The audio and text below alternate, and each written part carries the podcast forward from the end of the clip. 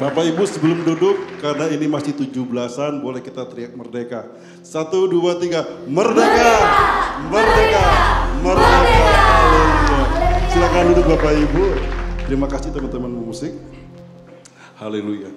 Kita patut bersyukur Bapak Ibu bahwa kita ada di era di mana bangsa kita sudah mendapatkan kemerdekaan.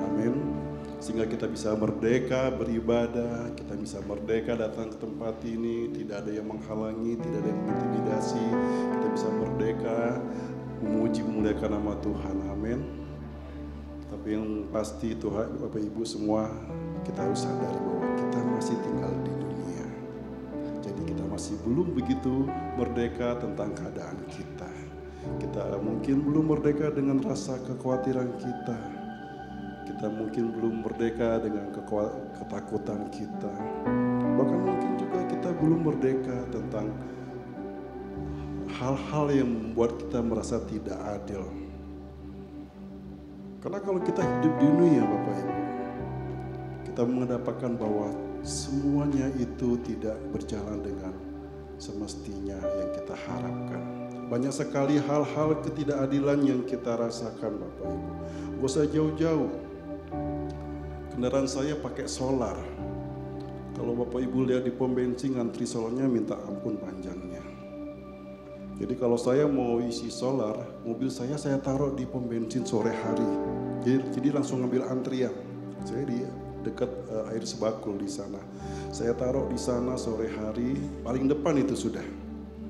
Jadi saya pulang, besok paginya saya datang, biasanya sekitar jam setengah sembilan itu mobil tangki Pertamina udah masuk, udah saatnya untuk isi uh, solar. Sementara sopir-sopir lain itu, ya saya beruntung karena saya dekat dengan pemain. Jadi saya bisa pulang, saya bisa tidur di rumah.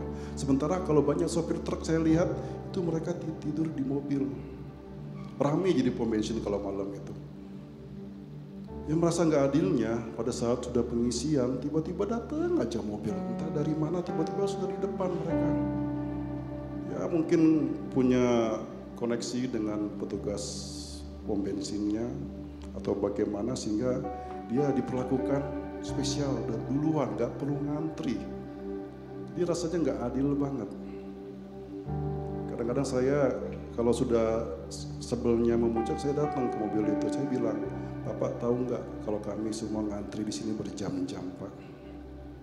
Bapak enak ya bisa langsung.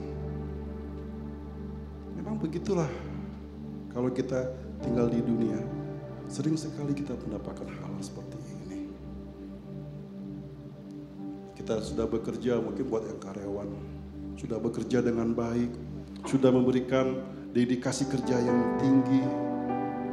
Semua pekerjaan kita selesaikan dengan baik. Kadang kita mengambil lembur supaya kerjaan beres tanpa dibayar. Tapi pada saat ada seorang karyawan baru, tiba-tiba karyawan baru itu mendapat perhatian lebih dari atasan kita. Rasanya gimana? Tidak adil. Dalam kehidupan kita ber, ber, beribadah, kita ambil pelayanan, kita sudah bayar harga, berikan persembahan, berikan waktu. Tapi kok keadaan juga nggak membaik. Nggak adil rasanya. Nah Bapak Ibu, hal-hal yang tidak adil seperti ini juga dirasakan oleh beberapa tokoh-tokoh Alkitab. Hari ini kita akan belajar. Ada seorang tokoh Alkitab yang merasakan hal yang sangat tidak adil bagi dia. Sehingga dia mempunyai sikap tersendiri untuk menyikapi itu. Kita akan belajar hari ini Bapak Ibu tentang Yunus. Kisah Yunus saya percaya semuanya sudah tahu. Pada saat sekolah minggu kecil, oh saya sering diceritakan. Adik-adik siapa nama nabi yang ditelan ikan langsung Yunus. Sangat familiar. Diceritakan kalau Yunus itu tadinya disuruh Allah ke kota Niniwe untuk menyampaikan kepada orang-orang di sana. Ternyata Yunusnya nggak mau. Dia pergi ke mana? Ke Tais. Oh bukan, ke Tarsis. Tais di sini di Bengkulu. Jadi itu yang kita pahami. Nah saya pada saat saya membaca kitab ini saya selidiki lebih lagi. Alasan kenapa sebenarnya Yunus tidak mau ke kota Niniwe saat itu. Dia malah pergi ke kota Tarsis. Ada sebuah jawaban yang membuat saya, oh ini perlu menjadi sebuah perenungan. Tapi sebelumnya saya coba tanya ke beberapa orang, saya pengen tanya, apakah eh, beberapa orang ini sebagai perwakilan pemahaman tentang penolakan Yunus ke kota Niniwe itu sama seperti apa yang dikatakan oleh Alkitab. Saya tanya, tahu nggak kisah Yunus tahu? Dia disuruh ke Niniwe kan iya, tapi nggak mau iya. Menurut kamu kenapa dia nggak mau ke Niniwe? Oh Yunus takut. Orang Niniwe galak-galak, kasar-kasar. Jangan-jangan sebelum ngomong udah dibacok duluan. Jadi dia nggak berani ke Niniwe. Jadi dia milih ke kota lain. Saya tanya juga ke orang lain, menurut kamu kenapa uh, Yunus tidak mau ke Niniwe? Oh dia takut dicuekin. Nanti capek-capek ngomong di sana karena kan Niniwe orangnya bebal semua. Capek-capek ngomong gak dengerin. Jadi dia males. Nah saya percaya Bapak Ibu, pemahaman-pemahaman seperti ini ada di antara kita. Tentu nggak semuanya, saya percaya Bapak Ibu yang rajin membaca Alkitab tahu jawabannya. Tapi saya didorong untuk menyampaikan di tempat ini alasan sesungguhnya kenapa Yunus tidak mau ke kota Niniwe. Jadi kalau kita belajar tentang kitab Yunus ini sedikit jumlah pasalnya, cuma ada empat. Jadi kalau kita mau baca dengan mudah kita bisa memahami apa sebenarnya maksud Tuhan kepada Yunus. Bapak Ibu perlu diketahui kitab Yunus ini adalah kitab yang bisa dibilang cukup apa ya kata saya bisa tepat ya saat itu ya populer mungkinnya viral ya viral di e, bangsa Yahudi saat itu. Jadi kalau misalnya di beberapa adat Yahudi di mana beberapa hari-hari besar seperti Yom Kippur, itu biasanya pemuka agama akan membacakan kitab beberapa kitab pilihan untuk disampaikan di kepada uh, bangsa Yahudi saat itu. Nah, salah satunya kitab Yunus ini yang dipilih untuk dibacakan. Sehingga kisah Yunus ini terekam jelas di bangsa Yahudi saat itu. Yesus sendiri kalau kita mau buka di di Matius Yesus pernah mengutip atau menyinggung kata Yunus ini pada saat Yesus ditanya oleh oleh uh, ahli Taurat tentang pada saat mereka datang ke Yesus dia minta tanda. Kita buka di Matius 12 ayat 39. Ini sebagai ayat pengantar Bapak Ibu ya. Di Matius 12 ayat 39 Yesus diminta tanda oleh ahli Taurat saat itu. Yesus bilang, ini jawaban Yesus pada saat Yesus diminta tanda oleh mereka. Tetapi jawabnya, ini jawab Yesus kepada mereka. Angkatan yang jahat dan tidak setia ini menuntut suatu tanda. Tetapi kepada mereka tidak akan diberikan tanda selain tanda Nabi Yunus. Tanda Nabi Yunus maksudnya Yesus akan mati dan bangkit kembali setelah tiga hari. Jadi memang cerita Yunus ini sangat populer sangat terekam dengan baik oleh bangsa Yahudi saat itu. Jadi perlulah kita belajar ada apa sih, apa sih istimewanya tentang kitab Yunus ini dan apa makna apa yang bisa kita pelajari dalam kehidupan kita. Baik Bapak Ibu, kita buka kitab Yunus. Kitab Yunus tentunya kalau kita baca di Yunus 1 ayat 1 dan 2, di situ kita melihat bagaimana Yunus awal mulanya dipanggil oleh Yunus 1 ayat 1 dan 2. Datanglah firman Tuhan kepada Yunus bin Amitai demikian, bangunlah, pergilah ke Niniwe, kota yang besar itu, berserulah terhadap mereka karena kejahatannya telah sampai padaku. Ini awalnya bagaimana Yunus, kisah Yunus itu dimulai. Bapak Ibu perlu diketahui, kitab Yunus ini adalah yang menulisnya Nabi Yunus sendiri. Jadi ini merupakan pengalaman dia ditulisnya. Ya mungkin pada saat dalam perut ikan dia tulis mungkin ya. Sambil bengong nggak tahu ngapain tiga hari ditulisnya.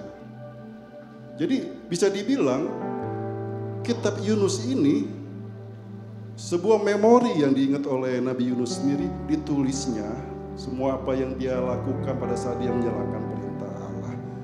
Dan ini adalah sebuah peristiwa yang benar-benar nyata.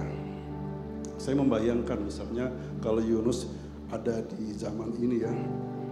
Pada saat dia bilang, oh saya ditelan ikan tiga hari keluar nggak apa-apa. Mungkin dia sudah dipanding, dipanggil di beberapa channel YouTube. Di podcast-podcast misalnya ditanya, gimana rasanya di dalam perut ikan dan sebagainya dan sebagainya. Jadi beberapa ahli memang juga pengen menyelidiki, bisa nggak sih sebenarnya manusia itu hidup di dalam perut ikan? Karena ini bisa juga eh, menyangkal bahwa Yunus hidup itu bukan mukjizat Tuhan. Nah, dalam penelitian oleh para ahli ini secara sayang memang disimpulkan bahwa manusia secara naturalnya hidup dirinya itu organnya tidak akan bisa bertahan hidup di dalam perut ikan. Jadi kalau misalnya kita nonton film-film, misalnya ada orang ditelan ikan paus misalnya ya, di dalam ikan perut itu, di dalam perut ikan, dia bisa ngobrol dengan temannya, bahkan punya lampu senter bisa hidup, bisa apa ya, kayaknya di dalam kamar, tiba-tiba sampai di tempat disembur dari atas keluar, oh sehat. Jadi itu bohong Bapak Ibu ya. Karena para ahli mengatakan kalau seseorang masuk ke dalam perut ikan tidak mungkin akan selamat. Kalau nggak percaya boleh dicoba sendiri. Cari ikan seluang masuk ke dalamnya. Nah Bapak Ibu, kitab Yunus sendiri ini bagi saya unik. Karena saya orang Palembang, entah kenapa saya menemukan bahwa kitab Yunus ini diterjemahkan dalam bahasa Palembang. Ada orang Palembang di sini? Biasanya nggak sendiri, oh ada. Jadi saya minta izin ya menampilkan kitab Yunus 1 dan Yunus 1, 1 dan 2 versi Palembangnya. Tentunya ini tidak bisa menjadi referensi ya karena uh, LKI tidak menganggap bahwa ini benar atau layak untuk kita pelajari. Tapi boleh saya minta izin ya tampilkan Yunus 1, 1, 2 versi Palembangnya. Yunus satu ya. Allah enjuk perintah ke Yunus, tapi Yunus nyobo lari ke diri. Kapan hari, ya kalau Palembang itu R-nya agak di, goreng dikit ya. Kapan hari, Allah Yahweh ngomong ke Yunus, anak dari Amitai, ujinya. Gancanglah pergi ke Niniwe, kota yang besar tuh. Terus peringat ke Diowong. Soalnya aku lagi ngomong kejahatan Diowong. Ini saya bacanya agak sedikit geli ya, ketawa juga. Kenapa sih orang Palembang niat banget menerjemahkan kitab Yunus dalam bahasa Palembang? Apa jangan-jangan orang Palembang senang ikannya ya? Oh ikan besar. Terpikir kalau jadikan pempek satu kampung bisa makan pempek itu. Niat banget menerjemahkan. Jadi cuma Yunus yang diterjemahkan dalam bahasa Palembang. Kitab lain nggak ada. Luar biasa orang Palembang. Jadi kalau kita bicara tentang Yunus ini Bapak Ibu kalau kita selidiki peristiwa Yunus pada saat dia mendapat perintah Allah ke Niniwe itu terjadi pada tahun 787 sebelum Masehi. Pada masa pemerintahan Raja Yerobeam kedua di Israel. Raja Yerobeam ada dua, pertama Yerobeam pertama yang uh, pertama kali diangkat menjadi raja pada saat bangsa Israel pecah. Ini pemerintahan keduanya Yerobeam yang lain. Saat itu bangsa Israel sudah ditaklukkan oleh bangsa Asyur. Jadi sebagian bangsa Israel sudah pergi ke pembuangan. Nah, di situlah Yunus mendapat perintah Allah untuk ke Niniwe. Niniwe sendiri sebuah kota yang tempatnya cukup strategis, dia ada di persimpangan jalur perniagaan yang melalui sungai Tigris.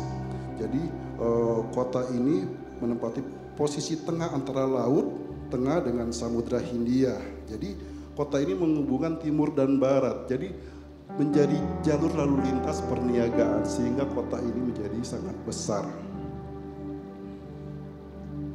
Dan Nineveh merupakan ibu kota dari kerajaan Asyur. Saat Yunus mendapatkan perintah ke Niniwe saat itu, kota Niniwe sedang keadaan lagi tidak baik-baik saja. Sering terjadi peperangan antar saudara karena perebutan kekuasaan, perebutan kekuasaan di istana. Jadi goyang. Dan e, sejarah mencatat di pemerintahan Yerobeam kedua inilah bangsa Israel mulai kembali menguatkan posisi dia karena ada beberapa daerah yang tadinya ditaklukkan oleh bangsa Asyur direbut kembali. Jadi itu sedikit tentang sejarah di masa itu, keadaan sejarah di masa itu pada saat Yunus ditugaskan Allah untuk ke kota Niniwe. Nah, sebuah pertanyaan tadi yang pernah saya sampaikan. Apa sih alasan sebenarnya kenapa Yunus itu tidak mau ke kota Niniwe? Dan saya mendapat jawabannya Bapak Ibu. Di Yunus 4. Yunus 4 ayat 2. Jadi Yunus tidak mau ke Niniwe bukan berarti dia takut sama orang-orang Niniwe yang besar-besar itu. Dia bukan takut dibacok di sana.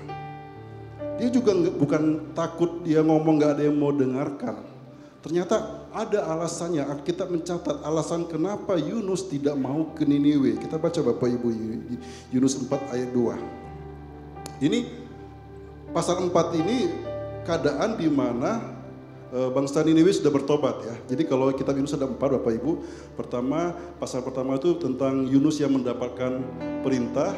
Kedua, itu Yunus di dalam perut ikan dia bertobat.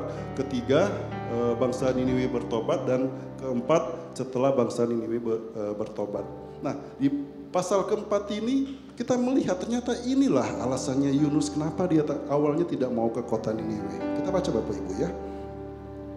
Dan berdoalah ia kepada Tuhan, katanya, "Ya Tuhan, bukan telah ku katakan itu ketika aku masih di negeriku.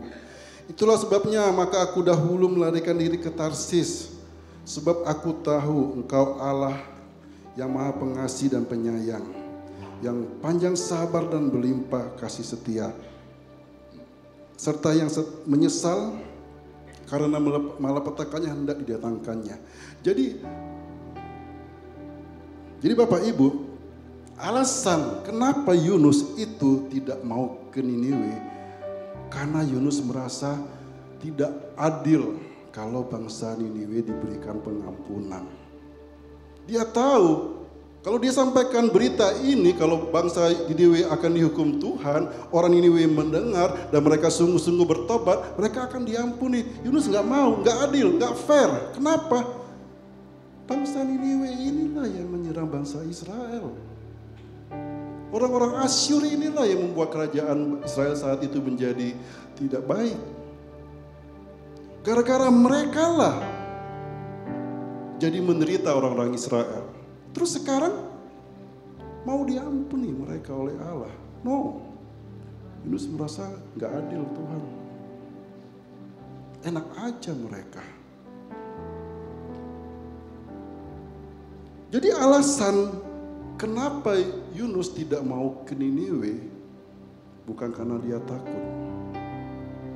Bukan karena dia takut takut dibunuh, takut dibacok, atau takut tidak didengarkan.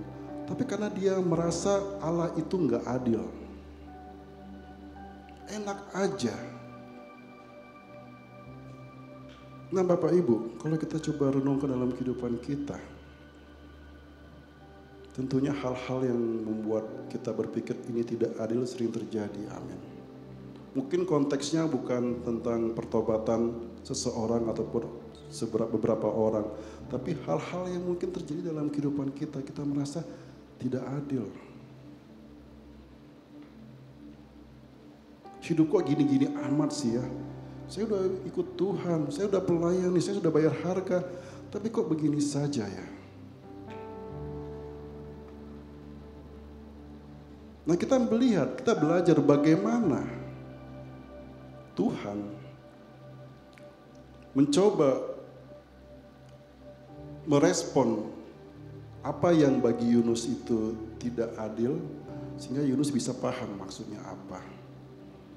Jadi kalau kita melihat Yunus ini Bapak Ibu mungkin itu gambaran seperti kita. Kenapa? Pertama kalau di pasal satu dia orang pilihan Bapak Ibu Tuhan nggak sembarang pilih orang untuk menjadi uh, suruhannya untuk menyampaikan sebuah perintah, sebuah kabar. Pasti dipilih. Berarti dia orang pilihan. Seperti kita mungkin. Seperti Bapak Ibu di tempat ini mungkin. Oke, Yunus melanggar, nggak mau ya. Tapi di pasal kedua Yunus bertobat. Kurang apa lagi coba? Dan dia melakukan. Tapi setelah melakukan, tetap aja. Dia merasa Allah itu nggak adil. Tuhan itu nggak adil. Dan saya percaya dalam kehidupan kita Bapak Ibu, mungkin konteksnya bukan pertobatan seseorang atau orang lain atau siapa, tapi kita sering merasakan bahwa Tuhan itu nggak adil. Sering kita mempunyai kesimpulan Tuhan kok begini sih?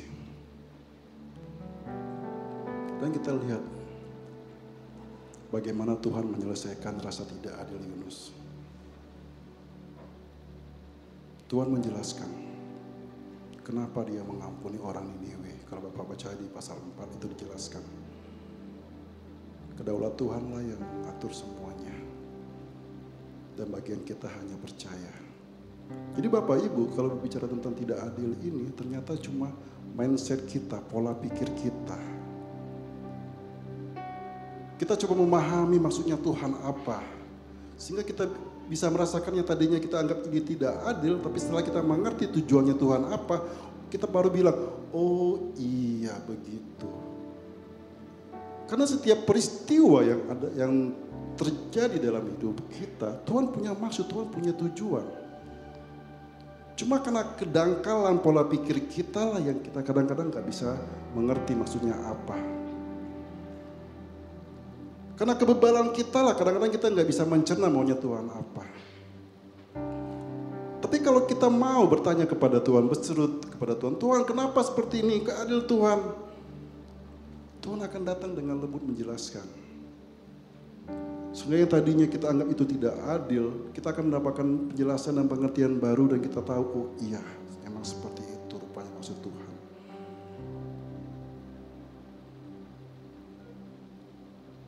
Pada saat saya isi sholat, tiba-tiba diserobot orang, ya Tuhan mungkin mau mengajar saya supaya saya orangnya sabar. Karena saya orang kayak gitu, terpancing emosi. Istri saya kalau saya di mobil itu sering sekali menenangkan udah udah udah udah udah udah udah entah kenapa kalau di mobil itu emosi tinggi banget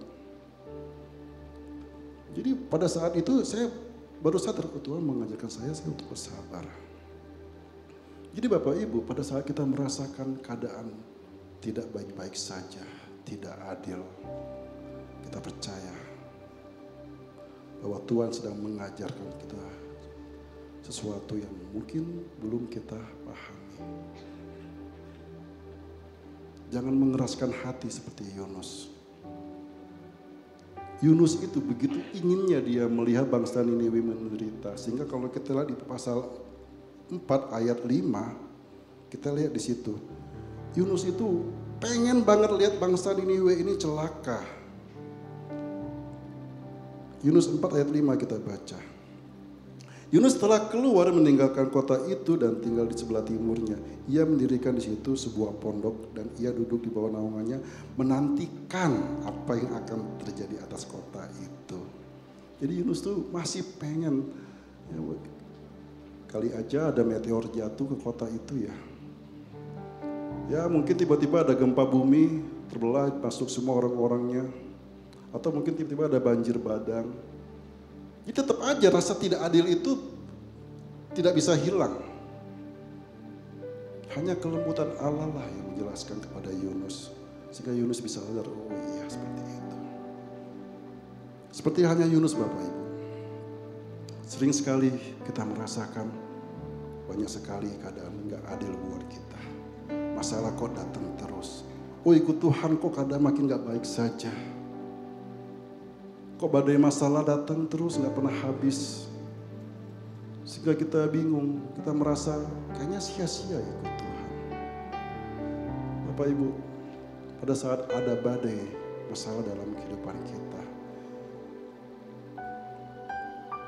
kita mesti sadar Memang Tuhan tidak pernah berjanji pada saat kita ikut Tuhan, keadaan akan baik-baik saja. Tuhan nggak pernah bilang ikut saya semuanya akan mulus, akan lancar. Tapi Tuhan berjanji, Tuhan akan selalu menyertai kita. Tuhan akan selalu memberikan kekuatan kepada kita. Sehingga kita mampu menjalani setiap badai masalah dalam kehidupan kita. Tinggal apakah kita bisa merasakan Tuhan menyertai kita. Sehingga pada saat kita merasakan ada Tuhan, kita bisa berteriak kepada Tuhan. Kalau kita nggak bisa merasakan, kita nggak bakal berteriak kepada Tuhan. Kita akan mengandalkan kekuatan kita sendiri. Murid-murid Tuhan Yesus pada saat dia di kapal, di danau, di atas perahu, saat badai menyerang mereka, kapal bergoncang. Mereka tahu ada Tuhan di tempat itu, makanya mereka berteriak kepada Tuhan. Mereka tidak berusaha sendiri bagaimana supaya keadaan mereka selamat. Dia berteriak kepada Tuhan. Dan Tuhan dengan kuasanya meredakan badai. Amin Bapak Ibu. Jadi kita harus sadar, Tuhan selalu bersama kita. Walaupun keadaan belum baik-baik saja.